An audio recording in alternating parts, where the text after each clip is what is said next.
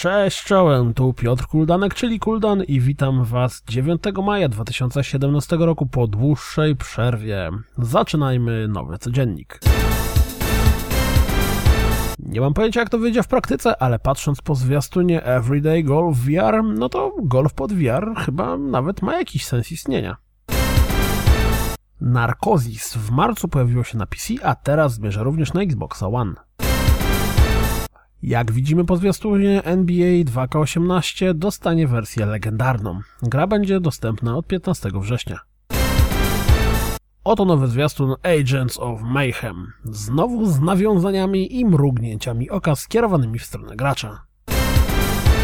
Baboon to jedna z tych gier, które nie do końca mam pojęcia jak skomentować. Zobaczcie sami, wiecie, to te tytuły, które właściwie powinny się pojawić na jakimś Congregate czy innym Arcade Games, a nie kurczę na konsolach. Zresztą dokładnie w tym samym klimacie jest Bloody Zombies, którego zwiastun też wygląda dziwnie, a to co najbardziej mnie zadziwia w jego przypadku, to to, że gra oprócz PlayStation 4 będzie dostępna na PlayStation VR. Nie mam pojęcia po co. Ploty. Według informacji znajdujących się w duńskim newsletterze PlayStation, Star Wars Battlefront 2 również dostanie jakąś kompatybilność z PlayStation VR.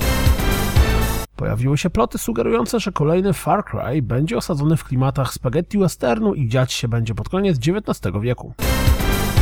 Zgodnie z kolejnymi plotami, nowy Assassin's Creed nazywać się będzie Assassin's Creed Origins i dziać się będzie w Egipcie, a obszar naszych działań będzie ogromny, prawie jak w Skyrimie. Tekken 7 zadebiutuje 2 czerwca. Ubisoft na swoim blogu pochwalił się, że w The Crew zagrało łącznie ponad 12 milionów graczy. Eurogamer zapytał się Deep Silver, co tam z Dead Island 2. No i dowiedział się, że gra dalej znajduje się w produkcji. Aktualnie zajmuje się nią Sumo Digital, czyli twórcą np. Little Big Planet 3, czy też e, Snake Pass. I kiedy będą gotowi pochwalić się jakimiś materiałami, to to zrobią. Dość często można trafić w internecie na narzekanie na pomoc techniczną na Steamie, że jest opieszała, wolno odpowiada i tak. A więc została stworzona specjalna strona informująca o statystykach działania pomocy technicznej. Wynika z niej, że dziennie wpływa około 80 tysięcy zapytań, z czego 60-70 tysięcy o zwrot pieniędzy. Srogo.